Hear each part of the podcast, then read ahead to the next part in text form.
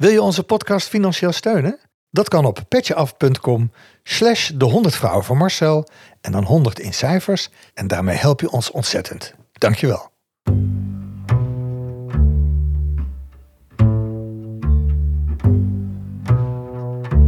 Dit is de 100 vrouwen van Marcel met Pablo Cabenda, Aniek van Rinsum en Marcel Musters. In deze aflevering gaan we praten met schrijver en actrice Lisa de Rooij. Uh, nou, heel vaag. Eh, Ik heb, eigenlijk heb ik net pas ontdekt dat zij in Lang Leven de Koningin speelde. Ja, onder andere, maar dat is heel lang geleden. Dat is heel erg lang geleden, ja. Een, een, film van Esme Lammers. Esme Lammers Ja, was dat. ja, ja. En ze heeft onlangs nog gespeeld, een paar jaar geleden, in Moena's Keuken, wat- waar ze mede eh, de, het scenario heeft geschreven. Ja, ja, en dat ken ik weer van jou. En, Ik eh, zat er ook in. en volgens mij heeft ze ook hele getalenteerde kinderen. Ja, ze heeft drie kinderen, samen met, eh, ehm, hoe heet de man nou? Ehm, Sabri? Sabri El Hamous. Ik hoop dat ik het goed zeg. Sabri Saad El Hamous. Eh, precies, Ja. Saad El Hamous. En ze heeft eh, drie kinderen, die alle drie, de een, de oudste dochter is scenario schrijfster. De tweede zoon is volgens mij regisseur en acteur. En de jongste zoon is acteur. En die heeft onlangs nog een gouden kalf gewonnen. Nou, geweldig. Een getalenteerde familie. Ja, een hele getalenteerde familie. En leuke, leuke kinderen. Tenminste, de zonen ken ik in ieder geval, de dochter niet. Aha. Maar Ja. ik, ik heb met alle twee gewerkt en dat, bij Moena's Keuken. En dat was heel erg leuk. Nou, nou, misschien gaat ze vertellen waar al dat talent vandaan komt. Van haar natuurlijk. Zij is de moeder. Ja, dat is waar. Ja, dat klinkt logisch. Nou, we gaan het horen. We gaan het horen. Dat kennen elkaar al lang eigenlijk, Lisa, hè? Best wel, hè? Ja. Hoe lang kennen we elkaar? Ik kwam in... Volgens mij ben je een jaar na mij op de toneelschool gekomen. Ja, jij zat in het tweede jaar. Dus dat is eh, Heel lang geleden. heel lang geleden. Eh 40 jaar, uitrekenen? 41 jaar dan. Oh jeetje. Als je Het- dit maar zo het grappige is, is het ik, ik, inderdaad, ik eh, zie nog steeds heel erg de jonge Lisa ook in jou. Echt waar? Nou, dat, heb ik, dat vind ik fijn aan ouder worden. Dat je ook alle mensen blijft... Ik blijf altijd nog even ook dat zien hoe ik ze heb leren kennen. Ja. Jij was zo'n blond met kort haar. Ja. Heel energiek. Hele lichte, fijne energie. Had ik nog dat? steeds. Ja, dat had je. Oh, dat weet ik niet. Nee, weet je Nee, niet? ik, weet wel, ik, wel- ik was heel erg onder de indruk. Van jullie allemaal. Je, je, je had Mark en jou en Chris. En, dus ik vond jullie allemaal echt van die acteurs al. Weet je, tot nu denk ik, hé, jullie zaten pas in de tweede. Precies. Maar ik was, ik was een soort complete... Het gebeurde. Ik, voel, ik, ik dacht zelf dat ik heel timide was. Maar misschien is dat Nee. helemaal niet zo. Nee. nee zie Nou, je had iets heel bescheidens. Dat vond ik heel leuk. Maar dat heb je nog steeds. Je hebt iets heel bescheidens, maar je was heel aanwezig. Een Oh. hele fijne... ehm, ja, ik vond het een hele lichte energie. Ja, En grappig ook. ja. ja, we deden wel... eh, we mochten het, het kerstcabaret doen, René en ik. Oh ja, ja met René Fokker. Ja, ja, ja. Want jullie En waren... ik weet nog, dat was, wel, dat was echt een hit. Want dat was echt Ja. een soort... We deden allemaal typetjes of zo. Ja, ik, ik zie het nu voor me. Ja, en opeens waren we helemaal in de picture. Dan vond ik echt helemaal zo van... Oeh, wauw, nu hoor ik erbij. Weet je wel. Was het in het eerste jaar al? Ja, want de eerstejaars moesten altijd kerstcabaret doen. Ja, dat is waar. En dan mocht je van alles doen. En, en René die had zoiets van... Wij gaan samen iets doen. Die koos me echt zo uit. Ik, ik weet ook nog dat ik zo'n beetje de enige was? die de krant las in die tijd. Die kwam wel een beetje zo uit, uit Leiden, een beetje die eh, geëngageerde types en zo. En ik begreep helemaal niet dat mijn klas helemaal de krant niet las, ochtends. Oh, dus ik zat altijd met die krant en René, dat, dat triggerde René een beetje van... Je zit altijd die krant te lezen. En dacht ik, ja, hé, ja, tuurlijk. Ik moet weten wat er in de wereld gebeurt. Zo. Eh, en en eh, zo, zo ontstond het eigenlijk een beetje. Ja, want jullie zijn lang bevriend geweest, hè? Op school al die Ja, tijd. op school Een soort duo echt. Daarna is het, eh, is dan, we waren een beetje duo, ja. Maar dat kwam ook vooral door, die, door dat, dat kerst. Ja, eh, dat zal ja. Het is echt grappig, want ik zie het voor me. Ja, En ik zie ook jouw gestures. ja, Voor ja me. dat snap ik. Ja. We waren een beetje van die mannetjes. Ja, hè, met stoere, ja. stoere eh, Ja. vrouwtjes. Ja, grappig. Echt grappig, ja. We hadden ook allebei de cowboy eh, eh, eh, walk. ja. Dus hij schopte eigenlijk onze benen een beetje zo voor ons uit. Maar dan kom je op het toneelschool en dan roept iedereen... nee, je moet even netjes lopen. Ik heb daar nog heel lang last van gehad. Oh ja? Ja, van, van mijn een beetje lompe manier van lopen. Ach, Ja, terwijl, nu doe ik dat volgens mij helemaal niet meer. Nee. Maar ik, had, ik, had in, ik weet als, we film, als ik ergens filmde... een cameraman ook een keer zei... kun je iets eleganter lopen? oh echt? ik, oh god. Hey, en waarom ben je w- actrice geworden? Of nu ben je ook schrijfster? Ehm, waarom ben ik ook... Ja, ei- weet je, maar zo gaat dat ook in het leven. Weet je, het, het komt allemaal een beetje zo op je pad. Ik, wil, ik wist niet wat ik wilde. Ik was nou 18 of 19 of zo. En ik liep in Den Haag op de Vrije Academie rond. Want ik vond het interessant om fotografie te doen. En toen werd ik daar ontdekt door Frans Zwartjes. Ken je die nog? Oh. Ja, zeker. Het was een hele experimentele film, ja, toch? enorm. En ik had net van hem Pentimento gezien. Ja. En het was een hele heftige film, Ja. hè? Alle Zwart-wit vrouwen... ook, volgens mij. Ja, zwart-wit. Ja. En hij, eh, hij liep daar rond en hij, hij was een hoofdrolspeelster kwijt. Die eh, deed opeens niet meer. En ik kwam naar aanloop en hij, en hij zei... eh, wil je even een gesprek met mij? En zo ben ik in zo'n film gerold. Wauw. Helemaal vanuit het niets. Helemaal van... Ik was gewoon echt helemaal niks. Ik, ik, ik tokkelde een beetje op een gitaar. En ik dacht, ja, iets met fotografie, weet je, dat, zo. En je was zo avontuurlijk dat je dacht, nou, ik ga ja, het wel ik proberen. dacht, oh, leuk. In Den Haag. En eh, wie zaten er allemaal? Monique Toebos. Ja. Die zat erin. Ja, en ik Tom Jansen. Ik Zat er ook gezien. in. Ja. Dus ik kwam opeens in zo'n rare wereld van acteurs in Den Haag. Super interessant. En toen was je hoe oud? Toen was ik 18. Tja, man. Was ook, eh, eh, ik moest ook helemaal naakt. Interesseerde me helemaal niks. Wat goed, hè? Zou nu niet meer kunnen allemaal. Maar ik vond het echt totaal... Ik liep de met mijn blote kont Oh. over die set heen. En weet je ook nog wat je speelde dan? Ik speelde de vriendin van een performance kunstenaar. En ik moest dan een soort blok, een soort, soort eh, houten blok, eh, met een parachute op mijn rug, moest ik een soort val maken. Nou, ik weet echt niet meer waar dat precies over ging. En uiteindelijk lag ik dan, want ik weet nog dat ze dan allemaal van dat bloed op me spoten, weet je, uit zo'n tubetje. Mhm. Dan lag ik zo gecrashed, lag ik dan zo op de grond. Geen idee waar die film over. Het ging heel erg over kunst. Ja. De, de, de, de kunst werd onder de loep genomen. Van, is En dit hoe nou heet kunst? die? Frans Zwartjes, ken je hem niet? Frans Nee, Zwartjes en die Oh. film heette In Ben- Extremo. Oh, in In extremo. Kijk In of ik hem extremo. ergens kan vinden. Maar zo dacht ik opeens, oh, dat kan ook. Je kan ook actrice worden. Dus Ja, dat ja. was voor jou een aanleiding Eigenlijk om was te dat een beetje de aanleiding. Ja. En ben je na die film naar de toneelschool gegaan? Nee, toen heb ik nog, toen ben ik eh, het werkloze theater gaan doen. Oh ja. En toen hadden we een stuk over werken, dat was jaren tachtig, weet je. eh, Ja. eh, werkloosheid en het heette Recessie. straat. Recessie, punk. Ik was echt een, daar was ik echt een punk. Ja. Ehm, en dat, hebben, dat wa- was ook best succesvol. Dat werd eigenlijk al heel veel gespeeld. En toen ben ik ondertussen de audities voor de toneelshow gaan doen. Toen dacht ik wel. En toen kwam ik bij Cas en klaar. In de ja. oriëntatiecursus? Ja, ja, dat vond ik superleuk. Ja. Ik weet nog dat ik een dans deed met een afwasborstel. En toen zei hij... eh, het moet gaan over de bevrijding van een huisvrouw. Pak maar iets uit deze ruimte. En toen, zag ik, toen heb ik een idiote dans met een afwasborstel. En ik geloof dat dat hem over de streep heeft Ja, geholpen. het is voor Kas om dat eh, lekker te vinden. Ook wel goed, ja. En is zo'n oriëntatiecursus dan bedoeld om eh, beginnende acteurs zelf even te laten ruiken van, nou, wat is dat? Maar ook dan de onderwijzers van, nou, hier zit wel wat in? Ja, absoluut. Ja. Hè? We werden wel echt... eh, eh, Zonder die oriëntatiecursus had ik niet gesnapt wat acteren eigenlijk was. nee, Oké. ik je ook gaat niet. met zo'n idee, ik wil acteur worden, maar ja, wat houdt dat in? Ja, Dus dan heb je, ik geloof dat het 14 weken was of zo. Zoiets, best Elke lang, hè? zaterdag, ja, best lang. iedere heb je dan iedere zaterdag of zondag, ehm, ja, doe je oefeningen en eh, eigenlijk wat het vak een beetje inhoudt. Ja, ja. En het is ook echt wel nodig, want anders ga je ook met een heel verkeerd beeld zo'n school eh, in, hoor. ja, Wat was die school wat jij ervan verwachtte eigenlijk? Of je had er niks van verwacht? Eh, nou, de eerste jaren wel, maar het, het was ook best wel een beetje een lastige tijd, hè? Dat hele bestuur was weg of zo, weet je. De leiding was een beetje... Dus het was een beetje een rommeltje. Achteraf heb ik wel gedacht... Ik had misschien ook wel toch misschien beter een andere, Maastricht of zo. Of had ik later, heb ik dat nog wel gedacht. Want ik raakte wel een beetje het spoorbijster. Mm. Derde jaar, zo, vierde jaar. En waarin dan? In, in hoe... Nou, zelf, ik zelf ook. Ik raakte zelf ook een beetje spoorbijster. Ik vond het leven super ingewikkeld.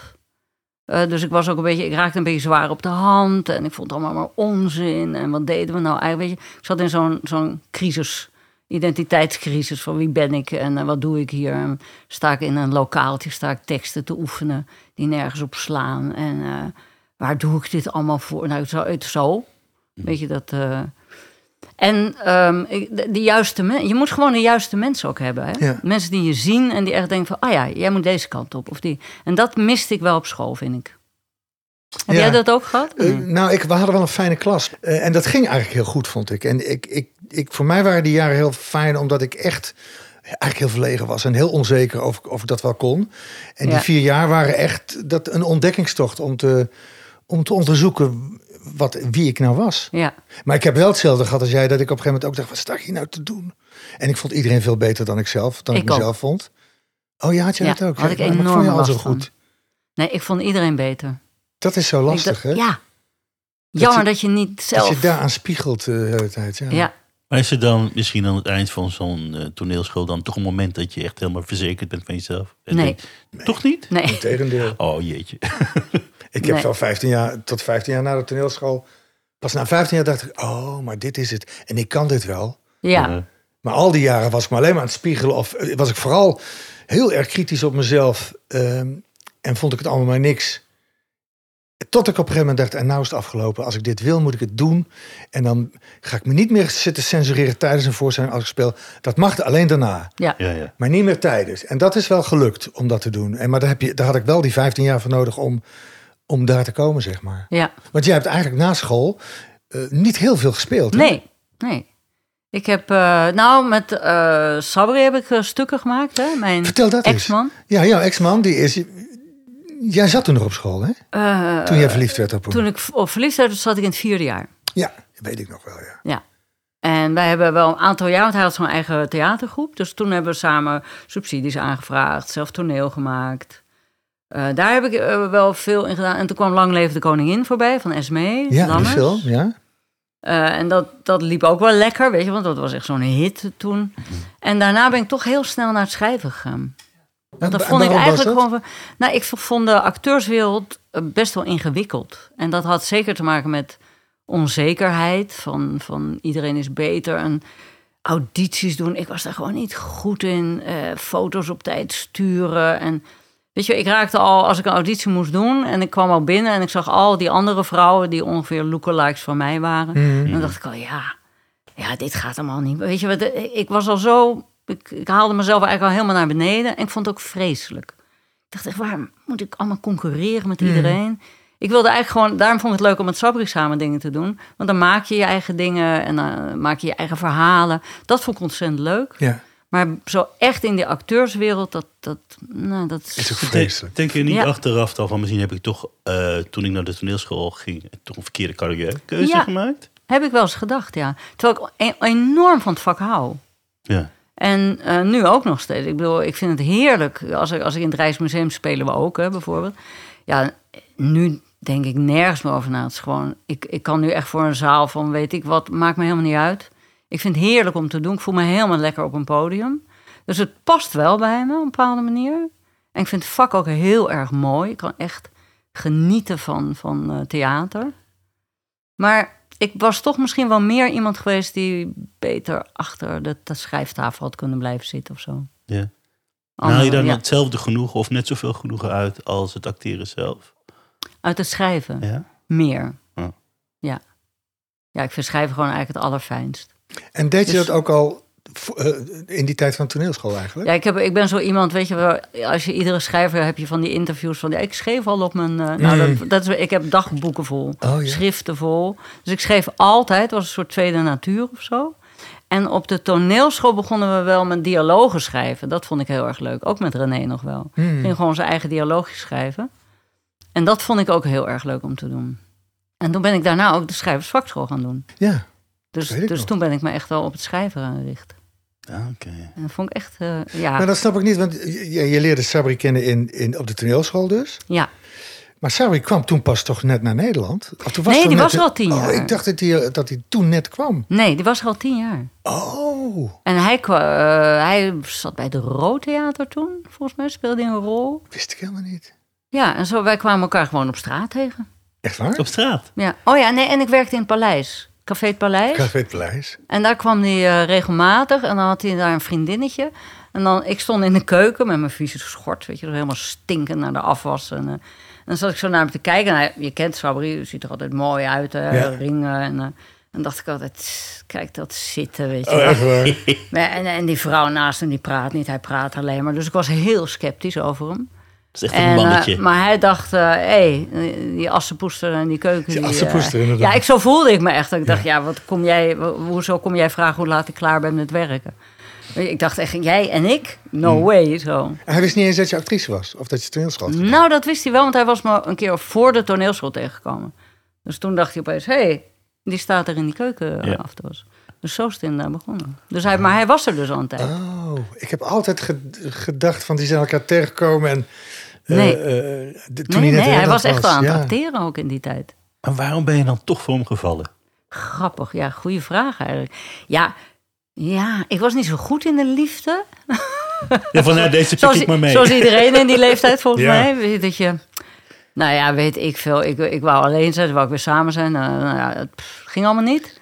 En hij heeft gewoon een enorme overtuigingskracht natuurlijk. Eh, En hij had zoiets van, wij, zijn, wij zijn het. Oh ja?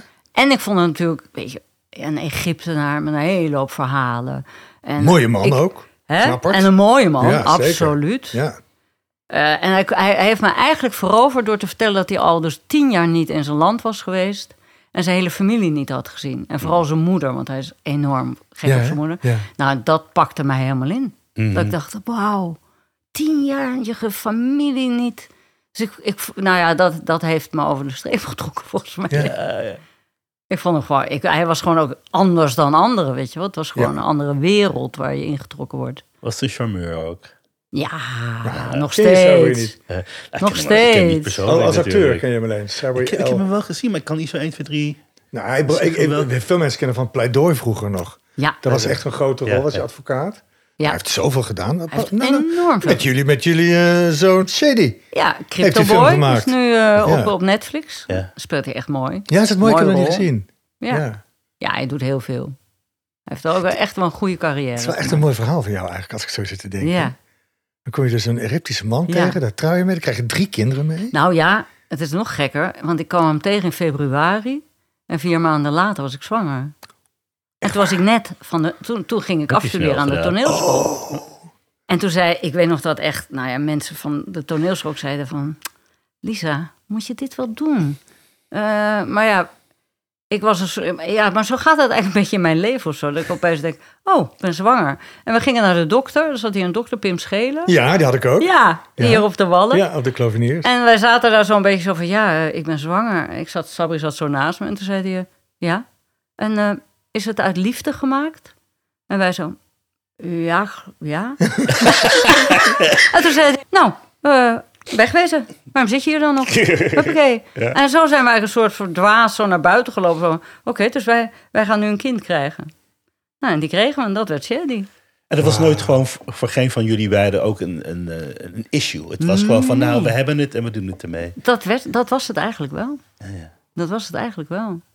Dus ja, ik was net van toneelschool en ik was Ja. gewoon al... Oh, Ja, dus dat is carrière-wise ook niet heel erg Nee. handig. Ik dacht altijd dat je daardoor bent gaan schrijven. Ik dacht, oh ja, zij kreeg toen een- Nou, dat- zoon. En ja, dan, dan is het natuurlijk heel moeilijk om Ja. eh, iets op te bouwen Dat in snap theater. ik. Nou, dat, eh, dat heeft er aan mee meegespeeld, want dan ben je veel meer thuis. Dus, en schrijven kan je overal natuurlijk. Ja. Ja, dat, dat is wel waar. Dat is wel waar. Toen is schrijven belangrijker geworden. Maar toen heb je in, in die tijd dat Shadi geboren is, eh, samengewerkt met Sabri bij de Nieuw Amsterdam, volgens mij, of niet? Dat kwam later nog. Oh, dat kwam later. Dat kwam later nog. Hij had toen een groep, dat heette Lama Cool. Egyptische naam. En dat heeft hij samen met een Engelsman opgericht, Terence Rowe. En zij maakte best wel succesvolle voorstellingen. En daar ben ik later bij gekomen. Ah, En dat was hartstikke leuk om te doen. Echt gewoon verhalen van eh Salman Rushdie hebben een verhaal gedaan. En over Buster Keaton heeft hij en Charlie Chaplin hebben ze een voorstelling gemaakt. Het waren hele mooie verhalen. Dus, de- en het is super leuk om met elkaar te werken en ook ondertussen een gezin te hebben. Dat is gewoon praktisch. En, en dat gewoon ging heel goed dus, wat je zou kunnen denken. Dat, dat konden wij heel goed. Wat leuk. Eigenlijk kunnen we, zouden we dat nog steeds kunnen. Wij kunnen heel erg met elkaar verhalen uitwisselen. En, dus dat was eigenlijk een hele goede, het was eigenlijk een hele goede eh, mix. Ja. Mhm. Yes. En dan heb je drie kinderen, die komen ook allemaal in dit vak terecht. En die komen ook allemaal in het vak. terug. En zo succesvol. Ja. Hoe is Gek, dat hè? dan? Want ze zijn echt... Ja, het, het, ga, ja, het ging eigenlijk best wel heel snel. Ik bedoel, Shady naar de filmacademie, toen is Gen naar de Zag filmacademie. je dat aankomen eigenlijk? Dat ze, het allemaal, dat ze allemaal... Jawel, jawel. Kijk, wij, wij keken natuurlijk ook heel veel films thuis. Wij waren altijd met film bezig. We waren altijd verhalen aan het vertellen. Ja, ja. Het ging altijd over toneel, film, verhalen. Het ging echt over verhalen. En daar, daar waren zij ook echt wel gevoelig voor. En ik weet dat Shady ook eh, vaak met, met mij dan samen keek. En dan zaten we Paris, Texas te kijken. En dan wist hij gewoon van... ik wil gewoon dit maken. Dit wil ik kunnen. Zo. En dat, dat was bij hem ook meteen helemaal... Dus hij heeft geloof ik twee keer auditie gedaan en afgewezen. Maar hij ging gewoon... Hij wist gewoon, nee, maar ik, ik moet daar zijn. Ik wil Mhm. gewoon naar de filmacademie. En de derde keer lukte het ook. En daar weet ik het ook wel van. Ik weet nog dat Esgen en ik in de trein zaten. En was op een kerst, een heel raar verhaal hoor. Maar was op een kerstdag. En wij kwamen terug van mijn ouders. En er zaten schoonmakers van Schiphol. eh, die hadden net gewerkt. Die zaten ook in die trein. En wij zaten een beetje zo te luisteren naar hun verhalen. En die man van, ja, ga je nog wat doen? En nee, ik ga niks doen. En, en en ik zaten allebei een beetje zo met zo'n half oor. En ik ga dan natuurlijk denken... Jeetje, waar zou die man dan wonen? Eh, Komt die man nou ergens anders vandaan? Dus ik ging al zo'n heel verhaal vertellen, bedenken. Mhm. En Esgen, die liep, we liepen toen achter ze aan door de hal. En toen zei Esgen opeens zo, die was best nog klein. Zei ze, ik zou nou heel graag met deze man mee naar huis willen. Om te zien hoe die woont. En of die dan een vrouw heeft of kinderen. Dus zij zat helemaal hetzelfde. En toen dacht ik eigenlijk van, oh jij, jij gaat iets doen Ja. met verhalen vertellen. Ja. Met schrijven of... Nou, dat, is ook, dat wist ik toen echt. Toen dacht ik, ja, jij, jij gaat dit doen. Ze schrijft scenario's, hè? Zij schrijft scenario's. Ja. En ze wil, ze wil ook echt regisseren. Dus Oh, dat is wil ze ze ook nog, naartoe. ja. ja. Ja, Ja, en Sheen is gewoon een geboren acteur. ja toch? Ja, Ja. want Shane was, was in mijn zoon toch in eh, Ja. de, de keuken van Nee, Moena? eh, Of nee, in- mijn zoon. Jouw zoon? Ja. Ja, dat is waar. Mijn zoon. Maar ik had wel veel scènes met hem. Ja, En toen dacht ik al, wat een goeie is het zeg. ja. Hoe oud was die hij kon toen? echt. Toen was hij denk ik 15 of zo? 15. Ja. Want wij zaten in, hebben eh, Moena's Keuken 2015 opgenomen. 2015. God, ja, zo en lang hij is eh, van alweer. 2000. Want Moeders Keuken heb jij geschreven met, eh, eigenlijk Moena? Met Moena samen. Ja, Uh, eigenlijk En een project met Margot samen, Ja. Dames. echt een, een, eh, een drieman, drie vrouwschap. En dat heeft wel een hele tijd geduurd voordat het uiteindelijk gemaakt kon worden. Maar Zo. Zoals het vaak gaat. Ja, trouwens. maar Moena was ook wel heel... eh, Door, door het tasten en Zo, zo. nou. Nou. gelukkig maar. ja, superleuk. Hè? Want het is hartstikke leuk geworden. Ik vind, en ik vond Ja. het zo leuk. Want Shady, haar oudste zoon, Shady zeg je ja? Shady. Shady, haar Ja. oudste zoon, die heeft ons geregisseerd. Ja, Oh, In de keuken van Moena. oh, dat was bijna een heel familiebedrijf. het was eigenlijk een soort familie. Ja, dat was ontzettend, vond ik ontzettend leuk. Want Heel leuk, hij hè? deed dat zo goed. En hadden een hele jonge crew. Dat was Hele ook zo leuk. Want crew. hij nam al zijn vrienden mee van de filmacademie. Ja. Eh, dus wij waren een beetje de oudjes. Hè, want Ja. het ging natuurlijk over 50-plussers. En dan die hele jonge crew erbij. Dat was ontzettend leuk, was Ja, dat. ja. En ik vond hem Ja. echt ook goed toen al. Ik dacht, Ja. oh, dat wordt een goeie. Maar allebei, Shane trouwens ook. Ja, dat was echt zo'n ventje toen. Dus ik dacht, wauw, hij zit gewoon echt te spelen. Ja, Want dan moest ik scènes met hem spelen, maar dan had hij echt contact. ja, Weet je wel? Echt, echt zo. En hij kon improviseren. Ik dacht, oh, maar dit wordt wel... En ja. als ik hem nu zie ook, denk ik, ja, ja. ja, die moest dat gewoon worden. Ja, die moest het gewoon worden. Ja. Want hij heeft... Maar leuke mensen ook. ook. Dat vind ik ook fijn dat jullie Ja, dat hebben meegegeven. Dat het leuke, ja, ook bescheiden mensen zijn die... Nou ja, gewoon... Ik hou van ze, zeg maar. ja. Van dat soort Nou, daar ben ik ook het meest van. Want dat maakt het soms best wel gek, weet je. Want iedereen roept natuurlijk van... eh, oh, wauw, je kind dit, hè. En oh, die weer dat en die weer dat. En je hebt de neiging om de hele tijd te, te- zeggen... ja, maar het zijn gewoon mijn kinderen, hoor. ja, ja. Ja. Dus ze komen gewoon bij me over de vloer en we eten samen. En, daar, en dan gaat het hier allemaal helemaal niet Ja. over. Dan zeggen we gewoon van, eh, eh, weet ik veel, ik moet morgen dit of dit. Of, weet je, het zijn, we, we- ja, ze zijn heel dichtbij. Dat vind ik super fijn. Ze, ze, ze wonen hier allemaal eh, in, in Amsterdam, dus ik zie ze heel veel. Maar het is ook wel niet zo dat je helemaal in katsfijn viel een gouden kalf kreeg.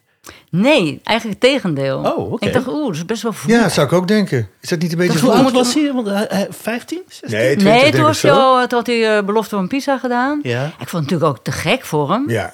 Maar ik dacht ook wel van.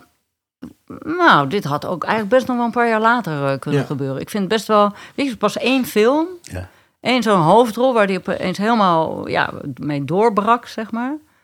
Maar hij was ook nog zo jong. Ik weet niet. Ik, ik, toen ik er naar zijn speech keek, toen dacht ik. Dat had best later gemogen. Ja. Maar goed, hij is zelf zo nuchter als wat, hè? Precies. En da dat vind ik een groot Ja. geluk. Hij staat echt met zijn beide benen op de grond. Dus hij, heeft ook, hij had ook duidelijk heel erg zoiets van...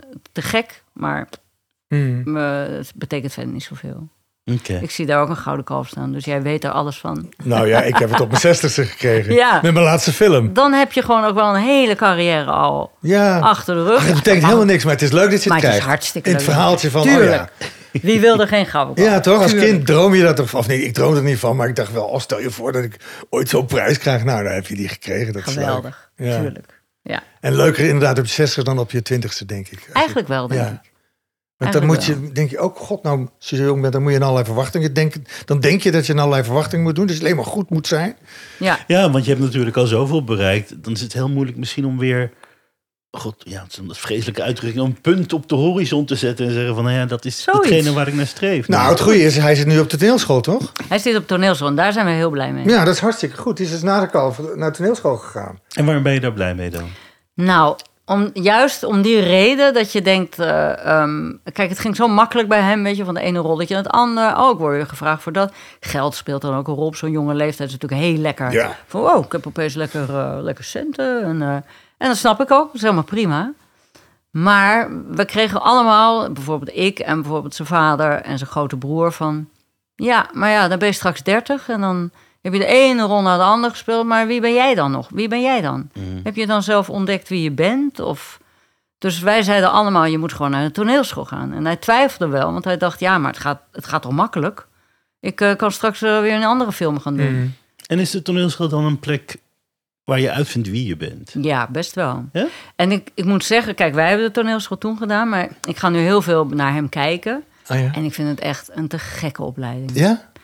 Als je ziet wat voor mensen er nu op zitten, wat een diversiteit er is, wat ze Oh, wat allemaal goed. aan veel meer vakken, omdat natuurlijk kleinkunst en toneelschool samen zijn nu. Dus er is veel meer met muziek en met musical, met dans. Ze leren zo'n scala aan dingen. Mhm. En ze zijn zo met elkaar. Dat ik, vind, ik, ik geniet echt enorm als ik eh, daar ben. Oh, wat leuk. En naar hem kijken en denk ik, wow. En sowieso, je ziet dan al die jonge mensen weer. Weet je, je hebt toch een soort flashbacks van Ja, jezelf. ja. Wow, ooit stonden wij zo. Ja, En nu zie je deze mensen. Maar het zijn nu ook weer een hele nieuwe generatie natuurlijk. Ja. Hele leuke mensen allemaal. Je gaat echt van allemaal houden. Ja. Als je naar ze kijkt, denk je, oh, jij bent ook al zo leuk. Oh, jij bent, oh, jij bent ook alweer zo leuk. Maar gaat het bij jou dan zelf dan niet? Ik begrijp natuurlijk, je vindt het schrijven eigenlijk veel leuker dan het acteren. Maar als je dan het succes van eh, je kinderen ziet en hoort en je gaat ook kijken bij zo'n toneelschool, gaat het bij jou dan niet kriebelen? Jawel. Maar je speelt dus wel in het Rijksmuseum. Ja, maar dat is ook wat, gewoon... leg daar eens iets over uit. Dat zijn soort rondleidingen, geloof Het ik. ook, zijn, nou, het zijn, eh, het zijn eh, programma's, eigenlijk een soort geschiedenislessen eh, door middel van theater. Dus het Rijksmuseum heeft ooit bedacht, we gaan theater inzetten om lagere, eerst, in eerste instantie lagere scholen naar het museum te krijgen. Dus ze hebben in de tekenschool, zo'n gebouw in de tuin, hebben ze een hele afdeling gemaakt met een theatertje, met lampjes, met geluidjes, gordijntjes. Heel leuk. Allemaal geheime ruimtes. En daar is een heel, pro- eh, een heel programma op gemaakt. Dus eh, als, als de kinderen komen, hebben ze allemaal toneelstukjes geleerd. En dan helpen wij ze om een Rembrandt te spelen. En Saskia is een vrouw die doodgaat. En vervelende rijke dames die komen kletsen. En eh, wow, wow, wow. En zo hebben ze allemaal toneelstukjes. Maar wij spelen zelf ook vaak een toneelstuk. Dat heeft Tjeerd Bischoff nog Ja. Eh, over eh, de drie verhalen. Hugo de Groot verhaal, Nova Zembla verhaal en het Rembrandt verhaal. En dat is eigenlijk een soort van lesvervangende eh, programma's. In dat theatertje. Dus ja, wij hebben daar eigenlijk onze hele eigen Leuk. hebben en houden. Ja. Het is een ontzettend leuk programma. En het loopt dus al tien jaar. Hè? En ondertussen komen ook middelbare scholen, doen weer een ander programma mee. En, dus het is echt via theater dingen leren. En dat werkt hartstikke goed. En dan zit Rian Gerts ook bij, Jan zit daarin. Ja, heerlijk. Ja, leuk. heerlijk. Leuk zeg. Maar meer hoor. Peter van Heringen zit er bijvoorbeeld. En ja, het is een hele leuke club van nu nog tien mensen. Maar waren met meer. Maar die tien, die, dat zijn echt de diehards. Wat goed zeg. En je kan natuurlijk, je kan even een paar maanden weg zijn als je ander werk hebt. Mhm. Je bent, we zijn ZZP'ers, dus we zijn heel flexibel. Oh, dat kan. Ja, je kan het een beetje... Ja, je kan gewoon zeggen, ik ben die maanden niet Oh, beschikbaar. te dus kan je allemaal je andere dingen weer doen. Ja. Dus, eh, maar iedereen vindt het altijd weer een feestje als je, als je Het is gewoon komt. leuk om een plek te hebben waar je, waar je terugkomt ook. Ja, waar je iets het opbouwt. heeft ook een soort maar. vastigheid. Ja. Dat is ook lekker, weet je. Dat is echt wel je werkbasis of zo. Maar wat maakt het nou heel anders dan gewoon spelen voor een publiek in een zaal, in een, in een theater of misschien voor een film? Nou ja, dit is wel echt, eh, dit staat wel in, ten dienste van het leren of zo, weet je wel. Dus dat vind ik eigenlijk ook wel heel fijn. Je, je, je bezorgt ze eigenlijk een hele leuke ochtend, die kinderen. Ze leren iets. Mhm. Eh, ik vind die combinatie eigenlijk best wel fijn. Hmm. Maar gewoon toneelspelen op een, hè, in een toneelstuk, ja, dat gaat toch echt ook wel over jezelf en over wat Ja. ook superleuk is. Wat ik ook, eh, wat ik ook nog eigenlijk heel leuk zou vinden. Ja, zou je Maar dat wel is- willen doen, nog een Ik toneelstuk? zeg, eh, nou ik ouder word, begin ik dat steeds meer te denken. Omdat ik Doen denk, ik zit zo lekker in mijn vel. Ja, doen. Het zou voor mij... Kijk, al die angsten, die, wat jij ook zegt, Ja. weet je, die angsten die je vroeger had. En, oh mijn god, een hele zaal met mensen. Dat heb je helemaal niet meer. Ja. Nu denk je, eigenlijk zou ik nu, Ja, nu zou het Heel lekker hele- kunnen spelen. Ja, dus doen. zonder al die ruis en al dat gedoe. En van, oh, die is beter dan ik. Daar ben je helemaal niet meer mee bezig. Doen dus. Dus eigenlijk is dit het, maar ja, moet je 62 worden, hè? Ja, ja, weet ik. Ja, ik ben bijna 65. Ja. Je en bent nu nog een denk je jonkie. van, hé, hey, het zou eigenlijk best leuk zijn. Ja. Ja. Maar hoe komt het dan? Is het dan gewoon dat je gewoon door de jaren heen eh, zelfverzekerder wordt? Of je hebt meer zelfkennis? Ja, en het gaat niet meer zo heel erg... Ja, het gaat zelfkennis. Het gaat niet meer zo heel erg over jezelf. Dat is ook Hmm. heel, heel prettig met ouder. Dat vind ik eigenlijk een heel erg grote plus van ouder worden. Ja. Dus Nou, je durft speelser te zijn. Gewoon speelser als een kind. veel meer. Je durft veel meer. Ja. Ja. Hey, maar ik ben zo benieuwd hoe het was toen je Sabri leerde. Ja, dat heb je natuurlijk al vaak, vaak verteld ook. Want dan- toen ben je ook naar Egypte gegaan. Je hebt een boek geschreven ook trouwens, Ja. weet ik nog. Heb ik niet Ja. gelezen. Nee, Maar het niet. ging ook over, over eh, een Egyptische man, geloof ik. Ja. Ja, want wij gingen... Maar waar ben je dan benieuwd naar? Nou, ik ben eigenlijk zo benieuwd. Jullie werden verliefd. Jij bent ook mee naar, naar zijn, zijn eh, roots gegaan, zeg maar. Zeker. Eh, ehm, hoe was dat dan om ineens in een hele Egyptische familie te komen? Ja. Ja, dat is best wel... eh, kijk, we zijn 16 jaar bij elkaar geweest. Ja, Ja. En wij gingen eigenlijk... eh, het eerste jaar gingen we zeven weken of zo. Maar toen had ik Shady, die was eh, drie maanden. Dus ik was net moeder. Nou ja, dat moet je ook even leren. en jullie waren niet eens getrouwd. Hoe was dat dan nee, we waren niet getrouwd. En eh Sabri komt uit de islamitische familie. Ah ja, Maar eh, ik- alle credits voor die familie. Ik- Er komt opeens een blonde vrouw met een baby. Eh, niet islamitisch, maar ze hebben nooit... Ze zijn altijd ontzettend eh, verwelkomend geweest. oh wat goed. Ze hebben mij nooit het gevoel gegeven van... "Hmm, dit eh, mag niet, of eh, helemaal niet. Dus... eh, Ook niet Maar- push om te trouwen? Nou, zijn vader leefde toen nog. En eh, ze vonden het toch wel... Ze vonden het gewoon moeilijk, weet je. eh, dat je samenleeft met een kind zonder getrouwd te zijn. Eh, en toen zijn we voor de vader... zijn we in Egypte een soort van zogenaamd getrouwd. Dus zijn we bij een imam geweest... en hebben we een beetje dat soort ritueeltjes uitgevoerd. En toen was het voor de familie... waren ze gerustgesteld. En ben je dan ook moslima geworden? Of, Ik moest wel een paar zinnen zeggen. Wat je moet doen als je eh, moslim moet worden. Moet je een paar zinnen zeggen. Dat in ieder geval Jezus eh, niet de zoon van God is. Dat Mohammed de enige profeet is. En nog één. En die moet je wel even zeggen. zodat- En dan ben je dus officieel. Dan ben je een soort. Dus officieel ben ik eigenlijk een moslima. Hmm. Maar je was daarvoor niet gelovig, geen christen of wat dan Nee, ik was totaal atheïstisch. Ben ik nog steeds eigenlijk. Ik Ah, ben, ik ben, ik ben heel erg opgevoed met een vader die, eh, die de kerk haatte. Die was zelf katholiek opgevoed. Mhm. En die had zich daar totaal van afgekeurd. Dus ik, ik, ik afgekeerd. Dus ik. Nee, de geloof was voor ons eh, echt een soort van. Dus het was eigenlijk niet meer dan een formaliteit voor jou? Het was voor mij een formaliteit, ja. Ja. Ja. Ik dacht, ik deed het ook een beetje voor die vader. Want Hmm, die is daar vlak ook daarna doen. ook gestorven. Ja.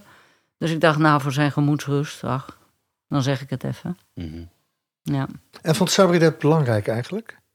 Dat, dat jij ook dat deed?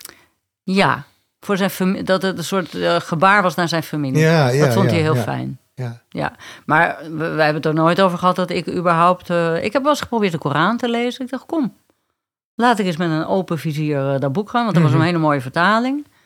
Maar ja, dan, dat hou ik toch niet lang vol. Maar ik, zou, ik kan de Bijbel ook niet lezen, denk Nee, ik ook niet. Maar waarom, waarom kan jij dat niet dan? Nou ja, omdat er al die gruwelverhalen toch in komen... van dat je als je ongelovig bent, dat je moet branden. En, eh, Mhm.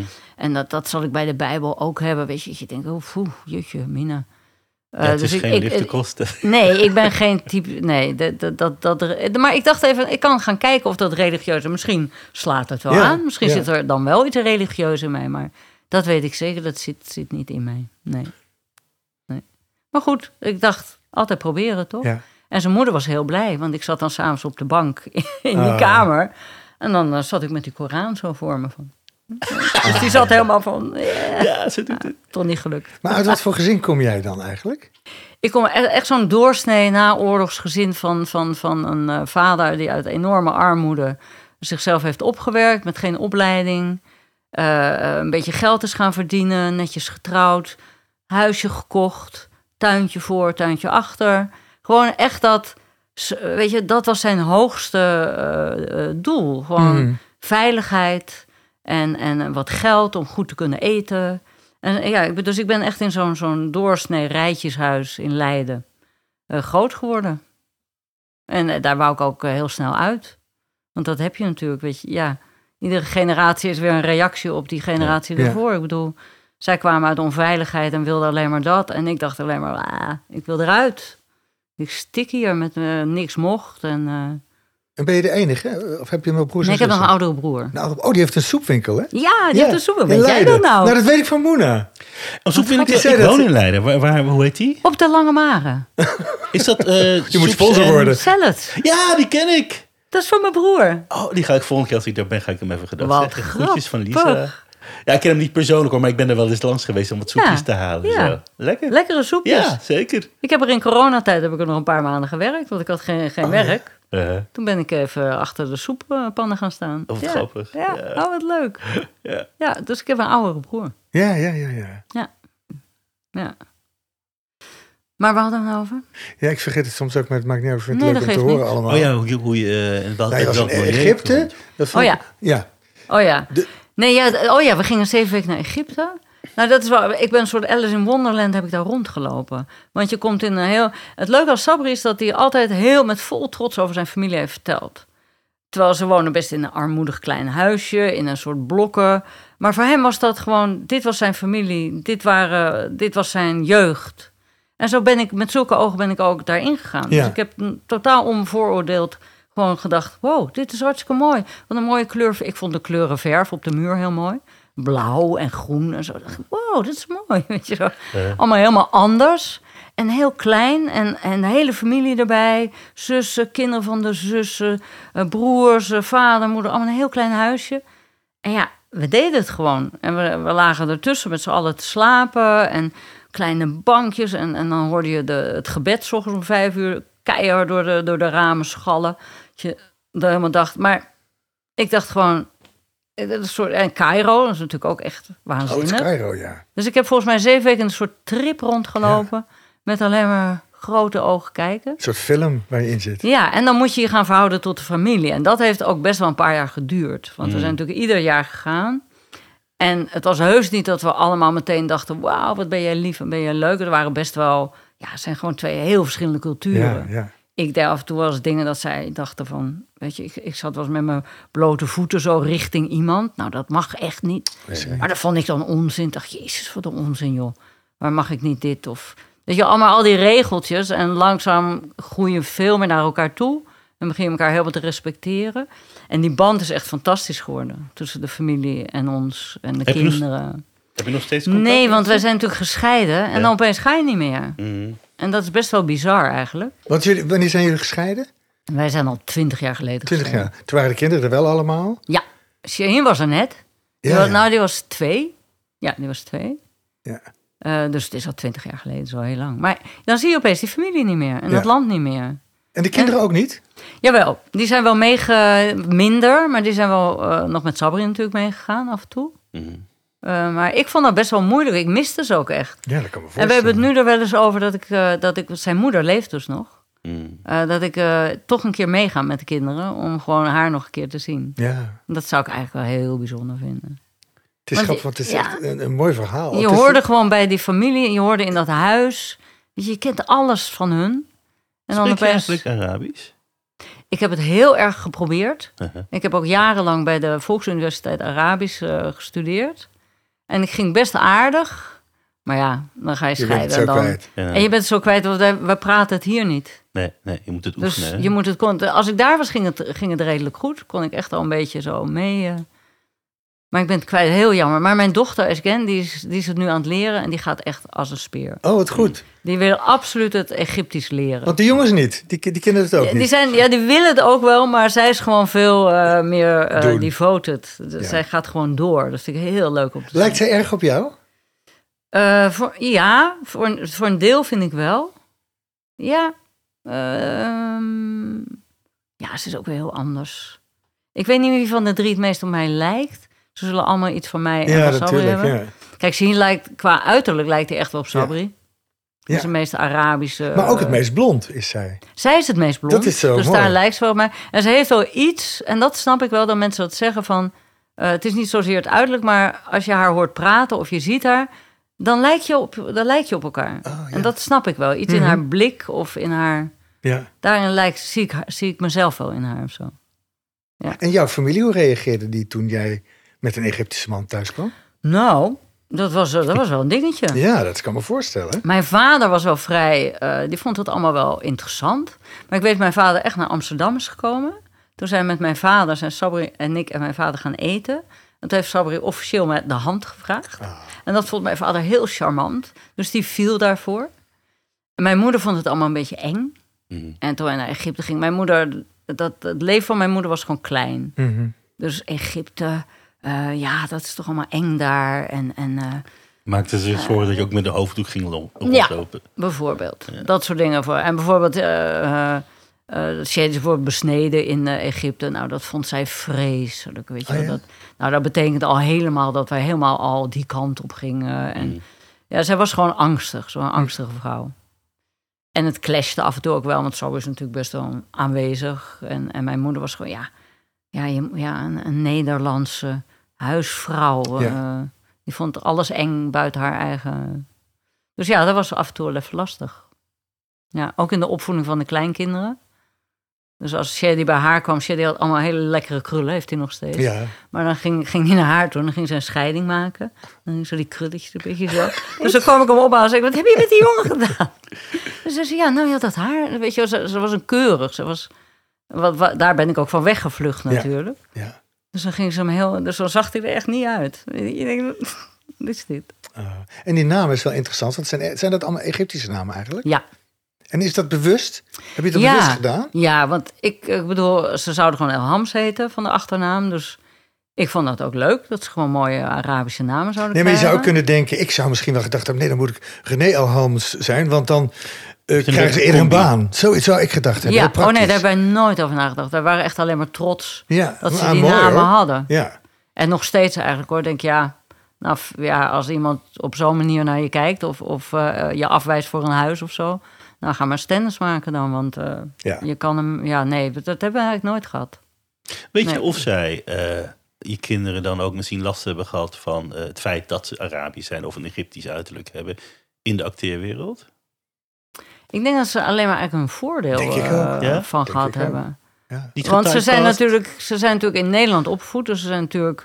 Hè, ze beheersen het Nederlands natuurlijk heel goed. Ze zijn heel sociaal opgevoed. Eh, ze zijn makkelijk met iedereen. En, dus ik denk dat, dat dat juist hun interessante kantje Ja. is, eh, altijd. En zij zijn, ik denk dat het meer, zij zijn meer internationaal dan dat ze specifiek Egyptisch zijn. Of het kunnen ook Spaans zijn of Italiaans Ja. of weet ik wat. Ja, natuurlijk. En dat hoop je dan ook. Maar tegelijkertijd bestaat het gevaar dat je ontzettend getypecast wordt. Nou, Sheen had daar wel last van. Want Sheen heeft daar, nou last. Hij heeft er ook voordeel aan gehad Ja? natuurlijk. Ja. Maar er werd natuurlijk wel de Marokkaanse jongen altijd gekast. Ja, tuurlijk. Maar hij had er natuurlijk ook zijn voordeel. Maar die, hij werd dat wel zat op een gegeven moment. Hij zei, ik wil nu totaal andere rollen gaan spelen. Want ja, hij begon op een gegeven moment zich ook helemaal Marokkaans te voelen. En zich helemaal bij, hij, hij vond dat hij bij de Marokkaanse gemeenschap hoorde. Ja. Eh, maar hij is natuurlijk helemaal niet islamitisch opgevoed. Dus hij kreeg af en toe ook zoiets van... Ja, maar ze vinden mij dan een slechte moslim. Omdat ik dit of dit doe. En dan zeg ik, je bent toch helemaal geen moslim? Ja. Waarom vertrek je dat aan? Maar hij, hij, hij, hij werd bijna een beetje een Marokkaanse Amsterdamse jongen. Ja. Wat hij natuurlijk ook een beetje in zich heeft natuurlijk. Maar Ja, ja, ja. daar wou hij op een gegeven moment wel een beetje vanaf. Van die rol, van dat stereotype. Ja, dat kan ik me wel voorstellen. Ja. Ja, ja. Maar daarom is die toneelschool ook zo lekker. Ik heb van het weekend heb ik hem Franse chansons horen zingen. Ja. Dat doen ze dus ook. Wat leuk. Nou, dat is zo leuk. Dat, dat, dan zie je weer een hele andere kant van, eh, Ja. van je zoon. Superleuk. Ja. Nee, dus ik denk dat ze er gewoon wel een beetje een voordeel eh mee doen. Wat grappig. Ja. Ja. Maar ze hebben een enorme band met het land. Ze voelen zich heel erg verwant aan, eh, aan de familie sowieso. Ze Mhm. zijn heel trouw aan de familie. Dus ze zijn, vorig jaar zijn ze met z'n allen geweest ook. Alle kinderen. Oh, wat goed. Eén ja. kleinkind er toen, toen Ja. bij. Eh, dus eh, ja, ze houden heel erg van hun eh, Egyptische familie. Dat vind ik ook heel fijn hoor. Ja. Dat En fijn dat moeder dus is. nog leeft, of oma dus nog Oma leeft. leeft nog. Hoe oud is die dan? Nou, ze weet haar leeftijd nooit zo goed, want ze, hebben niet, ze, is uit, ze komt Oh, uit een dorp, ja. dus er is helemaal geen geboortebewijs of iets. Eh, maar ja, die zal ook wel ergens ver in de negentig zijn. Tja, jeetje. Ja, maar ze is er nog. Wauw. Ja. Hebben ze dan ook misschien zichzelf eh, tussen twee culturen ingevoeld? Of hebben ze juist gewoon van alle kantjes iets lekkers meegenomen, zeg maar? Ja, dat is- ja ik, zou, ik moet niet voor hun spreken natuurlijk. Ik weet niet precies hoe ze dat zelf voelen. Ehm, ja, Eh, ik denk dat ze gewoon... Ze, ze hebben een soort... Ja, ze hebben een loyaliteit aan, aan Egypte. En voelen zich misschien soms wel iets te veel Nederlands of zo. Mhm. Hmm. Maar dat moet je eigenlijk ook aan hun vragen. Ja. dat Ja. weet ik eigenlijk niet. Ja. Eh, en ze zijn alle drie ook weer anders daarin. Ze staan er alle drie weer anders in.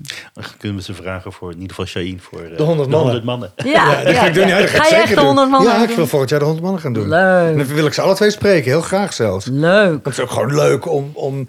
Ik heb hun al een hele tijd niet gezien, maar ik heb met ze gewerkt. Dus dat vind Ja. ik ook heel erg leuk. Ja. En ik vind ze ook heel goed. Ze vinden dat, dat fantastisch. Ja. Ze vinden dat hartstikke leuk om te doen. Leuk. Leuk. Ja. Oh, de 100 mannen komen ook. Ja, tuurlijk. Leuk. Het zijn niet alleen vrouwen.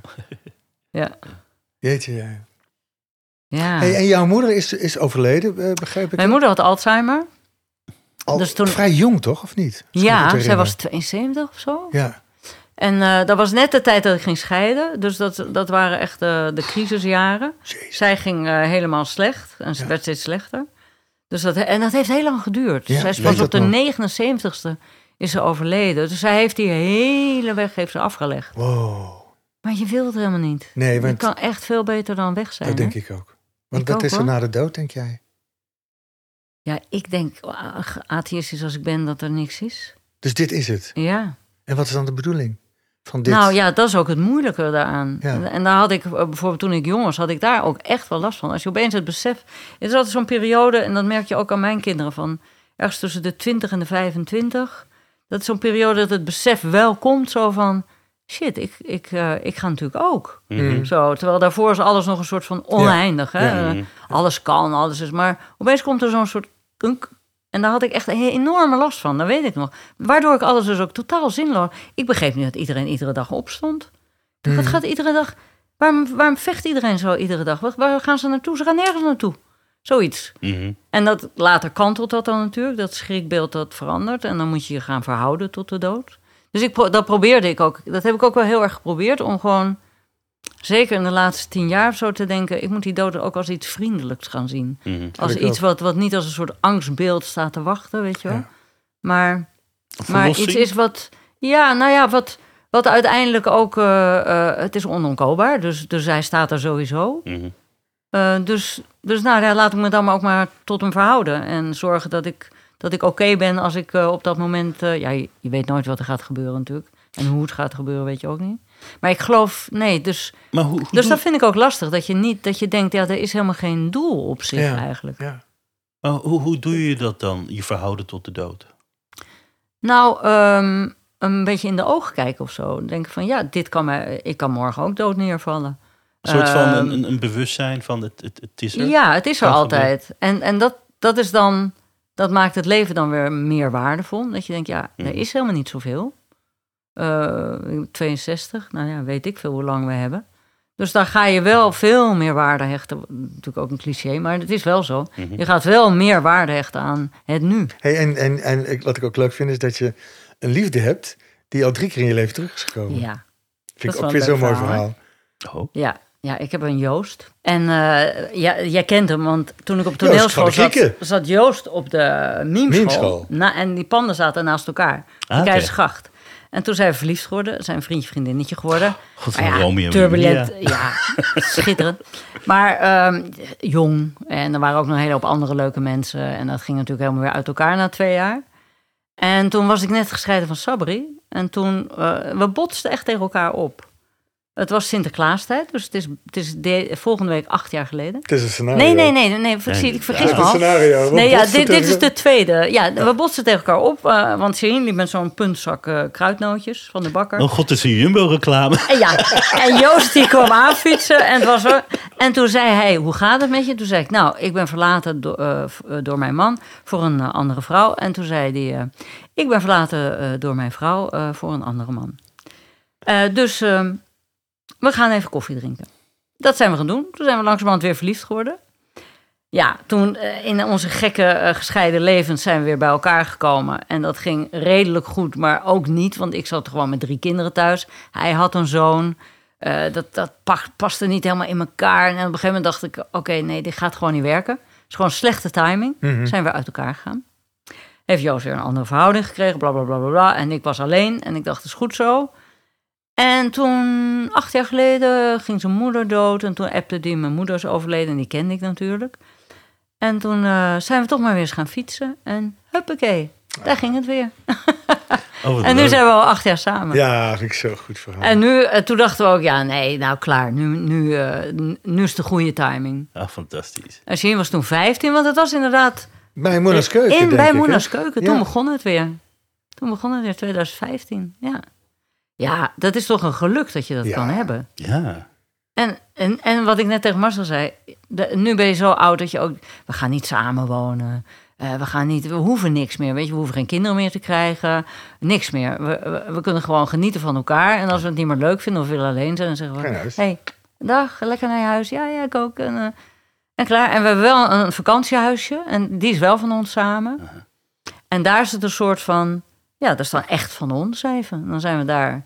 Maar die twee huizen die we zelf hebben, die zijn, dat, is, dat, gaan we niet veranderen. Dus dat, is je eigen domein. Dat is ons eigen domein. Ja, ja. Maar het geluk dat je hebt dat je gewoon nu bij iemand bent en dat die liefde een keer makkelijk gaat. Ja.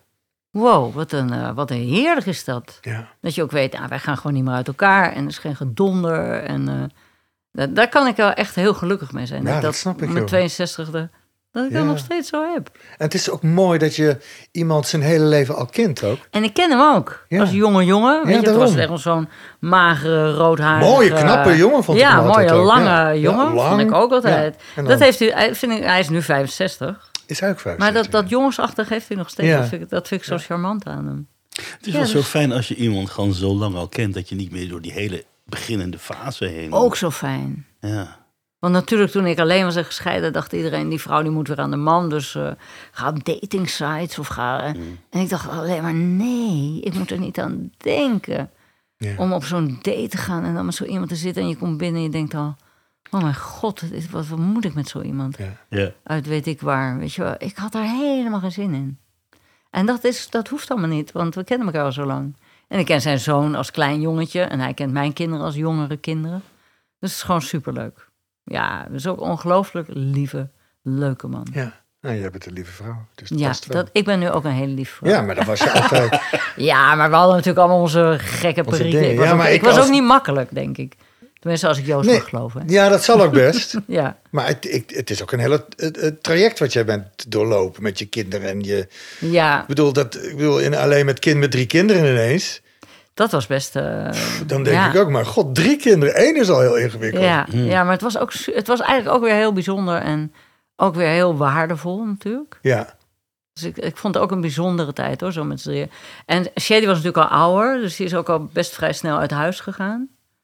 Eh, maar vooral die kleine, van twee tot, eh, tot eh, die zijn HAVO-diploma had, ja, dat, dat is zo intensief. Mhm.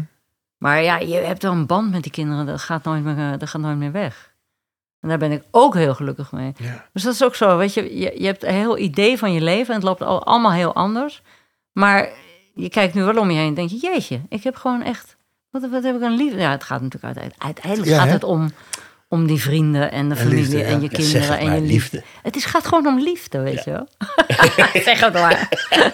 ja, maar dat is toch Maar het is wel gewoon echt zo cliché, jammer dat je dat toch pas laat diep echt ont, eh, Ja. Ja, Maar je denkt altijd, ja, dat weet ik wel. Dat liefde is belangrijk. ja. eerst dit. ja, dat is zo. Dat is zo. Ja. Jammer, hè? Ja, want ik denk Ja. zelfs dat je als je bijna dood bent... of als je op je sterfbed ligt... dat je, dat je dan echt denkt... ja, maar het gaat echt over liefde. Ja, Het gaat Ja. echt over liefde. ja, Maar dat, om dat altijd te voelen... dat is... Ja. eh, of, of zo snel mogelijk te voelen in je leven... ja. dat is de Nou, dat kunst. is ook iemand die zei dat hij werkte in zo'n eh, hospice. En die zei ook mensen die aan het sterven zijn. Ja, die, ze- die zeggen nooit: Ik heb zo'n geweldige carrière Nee. gemaakt. Nee. Ik heb zo'n fijne kantoorbaan gehad mijn leven lang. Die zeggen: Ik ben zo blij met mijn vrouw. Of ik ben zo blij met mijn man. Of ik ben zo blij met. Het gaat altijd over de mensen om je heen. Het gaat Ja. nooit over iets anders natuurlijk. Ja. En dat is natuurlijk zo. Je moet schijnbaar iets in het leven... zo word je ook opgevoed. Ja. Eh, eh, dus daar heb ik ook altijd last van gehad. Ik dacht, ik moet iemand worden. Ja, In plaats van dat je denkt, nee, je bent al iemand... en dat is al goed genoeg. Mhm. Dus ik heb heel eh, erg mijn best gedaan om iemand te worden. ja. Terwijl ik al iemand was, eh, maar dat had ik niet door. dat herken ik wel. Ja. Dat je denkt: Ik lijk nu veel meer op mezelf als toen ik nog een jong meisje was... Ja, dan dat ik in al die jaren ooit gehad heb of zo. Ja. Ik heb wel het gevoel dat ik wel heel anders geweest ben of zo. ik ook. Of dat ik van mezelf afgedreven ben. Ja. En dacht, Dat denken wel. dat, dat, dat Ja. ik dat was. Ja. Ja, ja, dat. Dat je denkt dat je dat bent. Mhm. Terwijl ik nu eigenlijk... eh, Ja, het is allemaal veel simpeler of zo. ja maar simpeler. nu herken ik mezelf gewoon wel weer veel meer. Ja. Waar dat dan gebeurt, weet ik ook niet. Maar het heeft wel te maken met dat je, dat je zo opgevoed wordt. Je moet iets worden. Je Ja, moet ja. iets... En, en eh, mijn vader had hoge verwachtingen, want hij had natuurlijk nooit iets kunnen doen. Oh ja, dus, en ik kon goed ja. leren. Dus je, ah, je VWO-diploma moet je halen, dan moet je gaan studeren. En ik wou niet studeren, want het vond ik allemaal eh, ballen daar in Leiden natuurlijk. Weet je wel, Minerva. Eh, dus, dus je, maar je moet het allemaal. Je moet aan die verwachtingen voldoen. En ik ben als tegenkant ben ik gewoon mijn kont tegen de kribben gaan gooien. Ik dacht, ik wil helemaal niks worden. En uiteindelijk ja, zit dat toch in je of zo. Dat je Ja, ja. denkt, ik moet iets bereiken. Hmm. Dat is, dat is jammer eigenlijk, hè? Ja, is jammer, vind ik ook. Ja. Nou ja, uiteindelijk ben je toch op een hele lekkere plek terechtgekomen. Ik ben zeker op een lekkere plek terechtgekomen, ja. En ik bedoel, Amsterdam, ja, we willen er langzamerhand ook weer een beetje vanaf, omdat het zo druk is of zo. Maar ik hou ook ontzettend van... Nou, je woont ook Waar- leuk. Ik woon hier zo fijn in Ja. deze buurt. Dat is ook leuk, hè? Dat we al zo lang een soort van buren Wij zijn zijn. buren, we zijn ook buurtgenoten. Al heel lang, hè? Ja, al zo lang. Ja, ik woon, ik woon echt ook al 40 jaar in ik deze ik woon buurt. twee- 42 jaar. Ben je Ja, hier ja. naartoe komen lopen? Nee, want ik moet zo weer ergens anders heen. dus Ah, ik ben oké, op de fiets. Weet je wat Maar- ik... sorry. Ja? Nee, weet, zeg. wat ik zo raar vind? Ik weet nog dat ik dacht toen ik hier kwam wonen in Amsterdam. Denk, stel je voor dat ik over vijf jaar kan zeggen... Oh, ik woon nog vijf jaar in Amsterdam. dat vond ik al heel stoer. Uit, jongens ja, uit ja. Brabant. Nou woon ik 42 jaar in Amsterdam. Wauw, ja. Dat is Hey, zo je gek, dat je dat kunt zeggen ook. Dat je zo lang... Ja, In, de- dat je denkt, oh, maar dan ben je heel oud. ja, Weet je wel? Nou ben ik daar. ja, In die reis Ja. van... eh, ja. Wat een leven, hè? Ja. En al die mensen die, die we al verloren zijn, maar ook al die trajecten die mensen om ons heen, die we kennen, moeten gaan, weet je wel. Want je vraagt altijd aan het einde, maar ik ja. weet niet of je dat nou... Ja, dat zou ik nog sowieso doen, maar zeg dat zelf maar. Nou ja, dat, dat, dat, dat, dat, dat, je zou, zo graag zou willen dat jongere mensen al veel eerder... Een les leren, ja. Ja, al, eerder beseffen dat het, eh, eh, dat het niet alleen maar gaat om die plannen die je maakt... en die je moet uitvoeren, want je wil daar naartoe en je wil die weg en dat moet allemaal lukken, want anders ben je niet geslaagd. En, en dat je ze zo gunt dat ze veel meer ook kunnen denken: ja, maar wacht even, ik heb ook nog heel veel om me heen waar ik aandacht voor wil besteden. En het kan ook links of rechtsom gaan. En als je dat nou wat eerder zou voelen, dan dat zou zo fijn zijn eigenlijk. Hè? Ja. Dat zou ik ze wel gunnen. Dat had ik mezelf wel gegund. Dan was het allemaal een stuk relaxter gegaan of zo, Ja. in plaats van Ja. het gepush. Ik kom steeds meer achter dat het heel erg over balans gaat. Alles gaat eigenlijk over balans. Hm. Dat je, je kan het, je kan het allemaal wel eh, doen wat je wil doen, maar je moet zorgen dat die andere kant er ook bij is, altijd. Dat je rust, dat je Ja. reflecties hebt, Ja. reflectiemomenten in je leven. Ja, Ook al ben je nog zo succesvol, weet ik wat, en gaat alles goed, maar dat is niet zo. Want ik werd op een gegeven moment 40 kilo dikker. ja, Ik zag het wel en ik voelde het wel, maar ik kreeg mooie rollen ook nog als de vader van Dick Trom, bla bla. Ja. Ik deed allemaal, maar ik had moeten denken: nee, ik wil niet een dikke man zijn. Ik wil gewoon, dat ben ik ook eigenlijk niet. Want er zit een dunne man iemand die gewoon gezond is. ja, maar ja, ik liet me meesleuren door het succes als acteur, zeg maar. En mijn droom als kind van, ik wil een acteur zijn die van alles kan. En, eh, ja, en toen ik dik was, dacht ik, ja, dan doe ik- dan neem ik het gewoon mee, mee. Net als Robert De Niro ineens dik wordt als bokser. Maar dat is toch niet goed, want ik ben ook heel ongelukkig daarom geweest. ja, In heel veel fasen ben ik ongelukkig geweest omdat ik niet genoeg aandacht besteedde daaraan waar het op dat moment juist heel belangrijk eh, voor was om aandacht voor te nemen. Nee, dat klopt. Want jij lijkt ook nu weer veel meer op de Marcel die ik ken van de toneelschool. Van toen, hè? Ja, dat denk ik Want toen was je ook een ongelooflijk lieve jongen. Oh ja? Ik vond jou heel lief Oh. en, en, en je was heel prettig ook in, in je. Maar, maar later in de tijd ja, oh, raakte ik je ook wel een beetje kwijt of zo. Of- Ja. Omdat ik inderdaad, je, je, het ging, je was zo druk en je was zo Idioot. dat je was dan min- minder bereikbaar of zo. En nu ben je weer veel benaderbaar ook, Ja. hè? Ja, en nu Maar denk ik alleen maar, god, ik had veel meer fijne gesprekken met mensen moeten hebben, want ik heb altijd zoveel leuke mensen om me heen gehad. Ja. Maar ik was altijd te druk. Ja. Ook als wij elkaar op straat tegenkwamen, Ja, weet je wel, dan was het te snel. De- Wat, wat nooit erg was, hè? Nee, maar het was was altijd hé, hey, gaat het goed met je? We hadden ook gewoon twee uur eh, ergens hier op het terras kunnen gaan zitten en lekker even bij kunnen praten. Nou, dat soort dingen. Ja, dat, soort eh, dingen. dus doe dat, jonge mensen. Jonge mensen doen dat. En oude mensen doen Ja. dat ook nog. Ja, Ja.